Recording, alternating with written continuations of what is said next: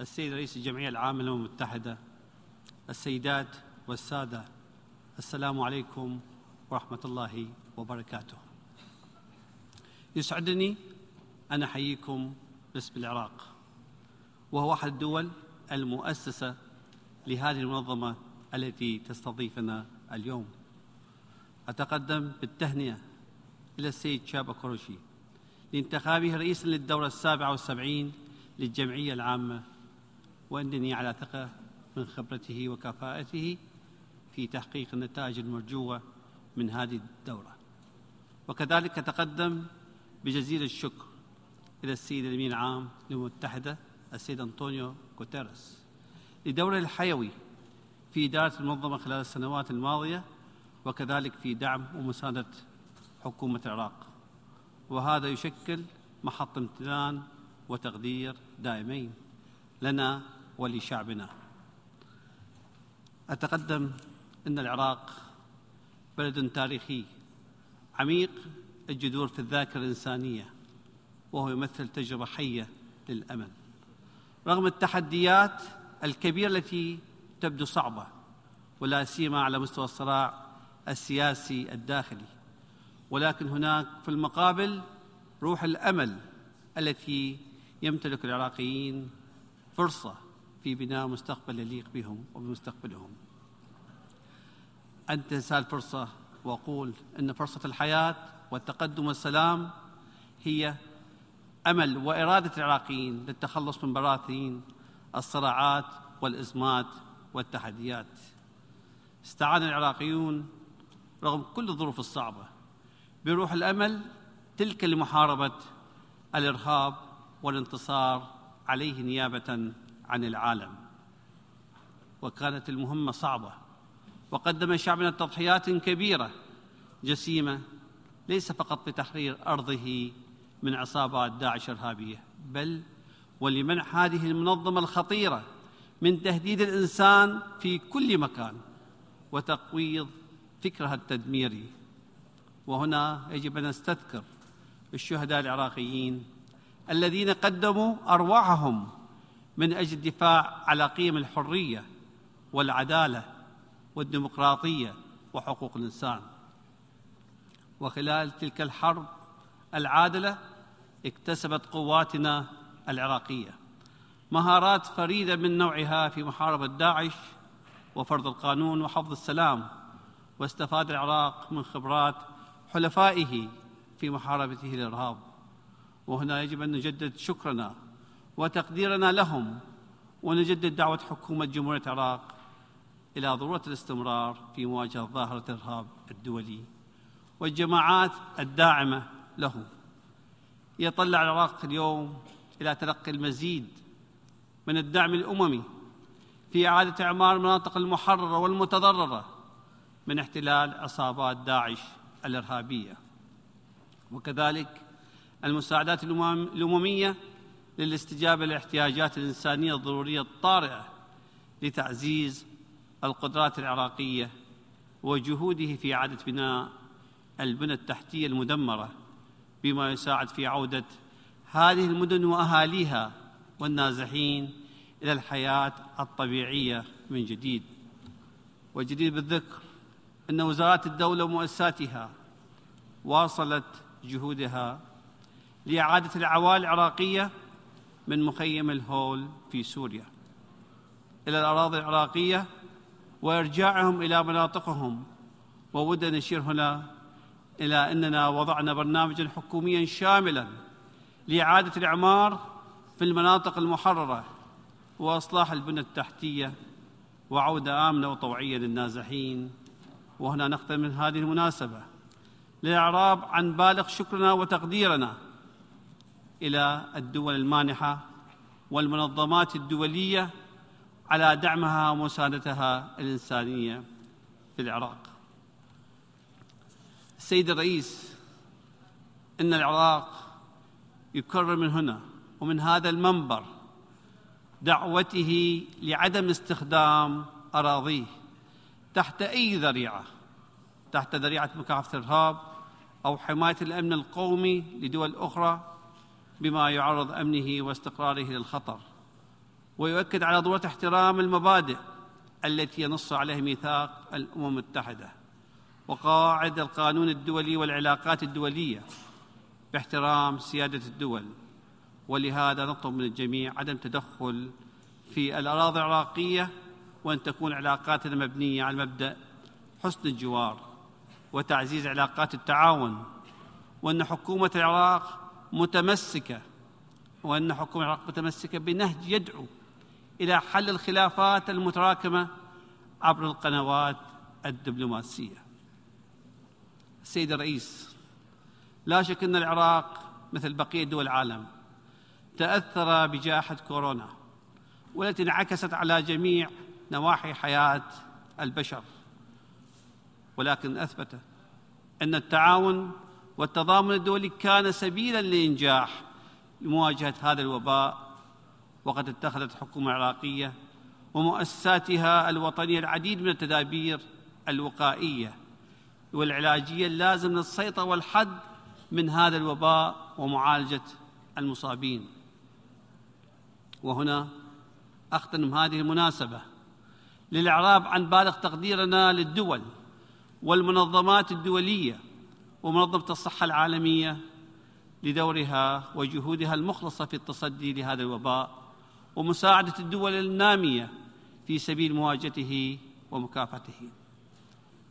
السيد الرئيس أدرك جيدا من أن حكومة جمهوريه العراق بادرت بأهمية عالية بتوفير استحقاقات الوطنية والحفاظ على التجربة الديمقراطية والمطالب الجماهيرية وعملت على تأسيس انتخابات نزيهة وعادلة. وكي يقوم الجماهير بممارسة حقوقهم الديمقراطية وحريه التعمير التعبير قامت الحكومة على اقامه انتخابات نزيهة وعادلة بدعم من مجلس الأمن والأمم المتحدة ومنظمات دولية أخرى. وقد اشاد الجميع بنزاهتها ومهنيتها العالية وود هنا أن أشكر جميع الدول والمنظمات التي ساهمت في دعم هذه الانتخابات وهنا يجب أن نستذكر وبالخصوص الذكر من ساهم في توفير كل ظروف نجاح لهذه الانتخابات التي أثبتت إنها أفضل انتخابات منذ عام 2003 وحد الآن. وخص بالذكر المرجع الأعلى السيد السيستاني لحمايته للمسار الديمقراطي في العراق. ولكن رغم نجاح الانتخابات فقد عجزت القوى السياسية في الاتفاق على تشكيل حكومة مما أدى إلى خلق انسداد سياسي ودعت حكومتي إلى حوار وطني جاد وشفاف لجميع القوى السياسية والأحزاب المختلفة لمناقشة سبل الخروج من الأزمة السياسية الحالية سعيا من أجل بناء حكومة تلبي طموحات الشعب والتعبير عن آماله وتحقيق أهدافه لضمان مستقبله. تعمل حكومة العراق على بناء الدولة والحفاظ على هيبتها على أساس التعايش بين مكونات الشعب العراقي كله. مع احترام التنوع والتعدد الفكري والديني والمذهبي. وفي ظل سيادة قيم العدالة والقانون والمساواة ومبادئها وضمان حرية التعبير والتظاهر السلمي وحقوق الإنسان وتقوية أجهزة إنفاذ القانون والعمل على تعزيز إجراءات المساءلة ووقف الانتهاكات الفردية ومحاسبة مرتكبيها والعمل على حص السلاح بيد الدولة.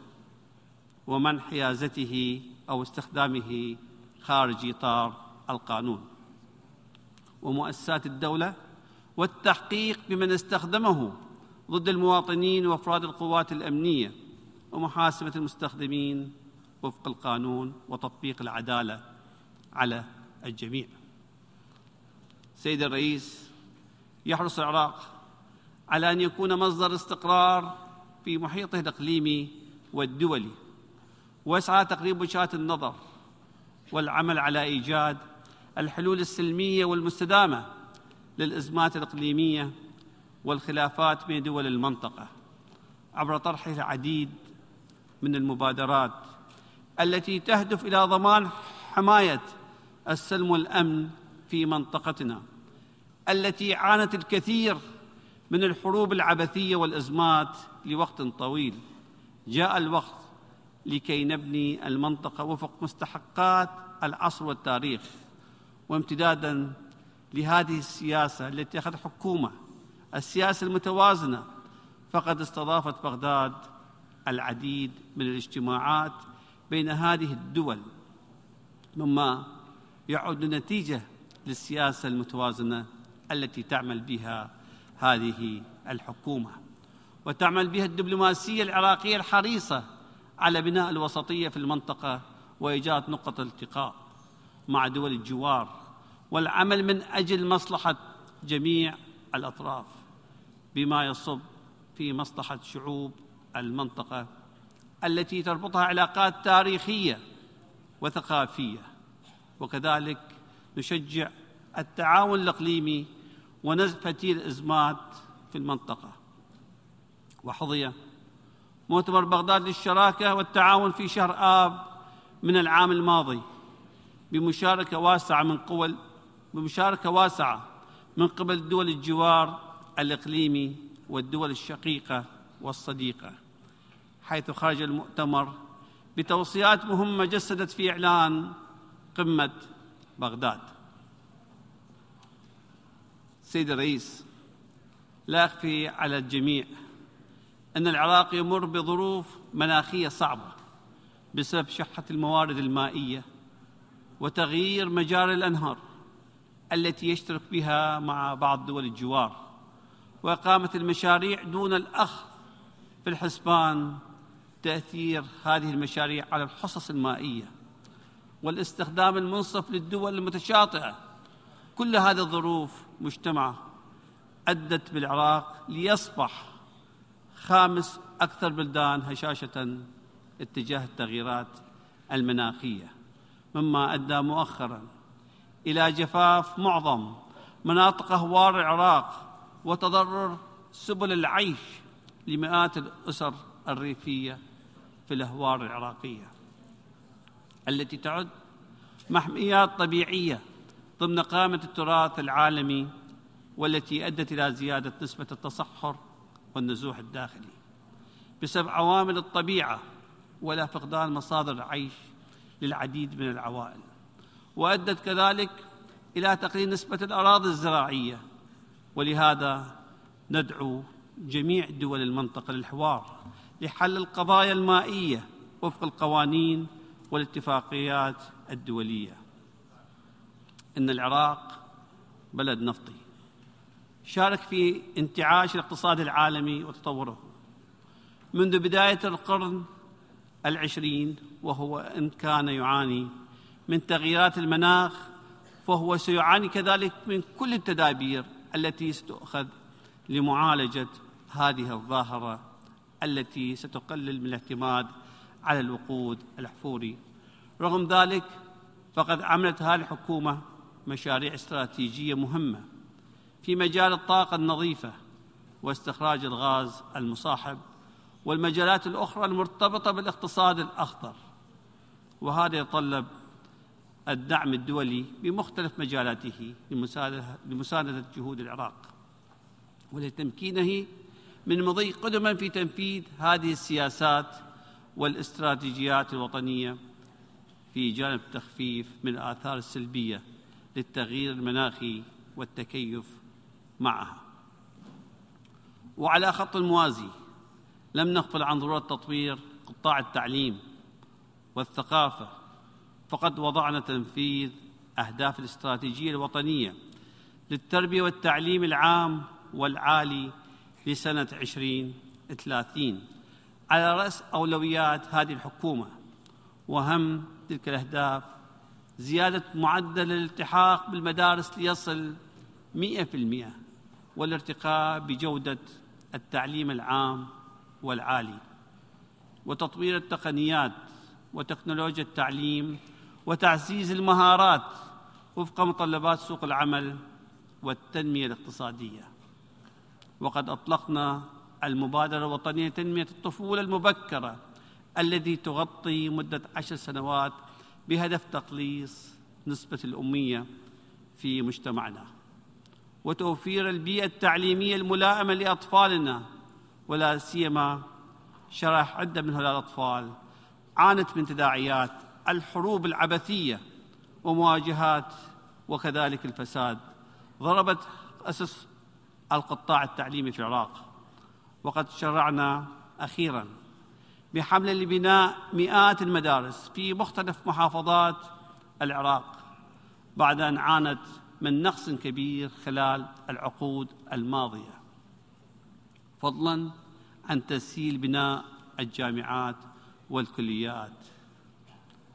سيد الرئيس نؤكد موقف العراق الثابت اتجاه القضية الفلسطينية في ممارسة الشعب الفلسطيني كامل حقوقه المشروعة واحترام الوضع التاريخي لمدينة القدس ومقدساتها وفي نفس الوقت نستذكر الوضع في سوريا ونؤكد على حرصنا على وحدة الأراضي السورية وسلامتها وندعم إجراء المحادثات السياسية بالأطراف السورية كافة ودعم جهود المبعوث الخاص للأمين العام للأمم المتحدة.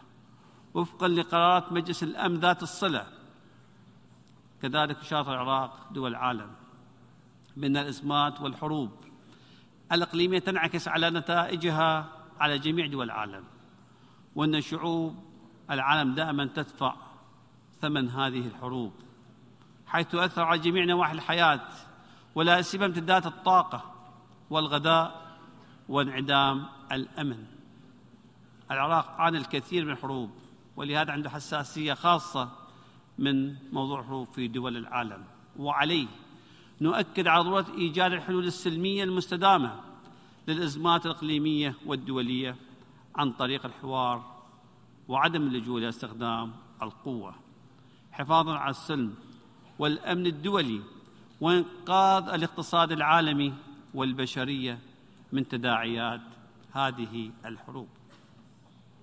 في الختام فإن التحديات تواجه بلد العراق اليوم إنما هي نتيجة تراكمات طويلة نعمل على تفكيك ألغامها وأملنا أن يطلع مجتمعنا. الذي يشكل الشباب جزء الاكبر منه نحو التمسك بالديمقراطية والدفاع عنها باعتبار هذا نمط حياة وآليات الحكم الرشيد. وعليه إن تجربتنا الديمقراطية الفتية ما تزال تتحلى بروح الشجاعة والأمل وهي في امس الحاجة إلى تفهم ومساندة المجتمع الدولي. من أجل الاستمرار في بناء الدولة المعاصرة وإعادة الإعمار وتوفير الخدمات وبناء البنى التحتية التي دمرتها الحروب العبثية. نؤمن بضروره الاستثمار في الإنسان وحفظ كرامة الإنسان والعمل على تنفيذ أهداف التنمية المستدامة. بالتعاون والشراكة الشاملة مع جوارنا الإقليمي والمجتمع الدولي. شكرا جزيلا والسلام عليكم ورحمة الله وبركاته.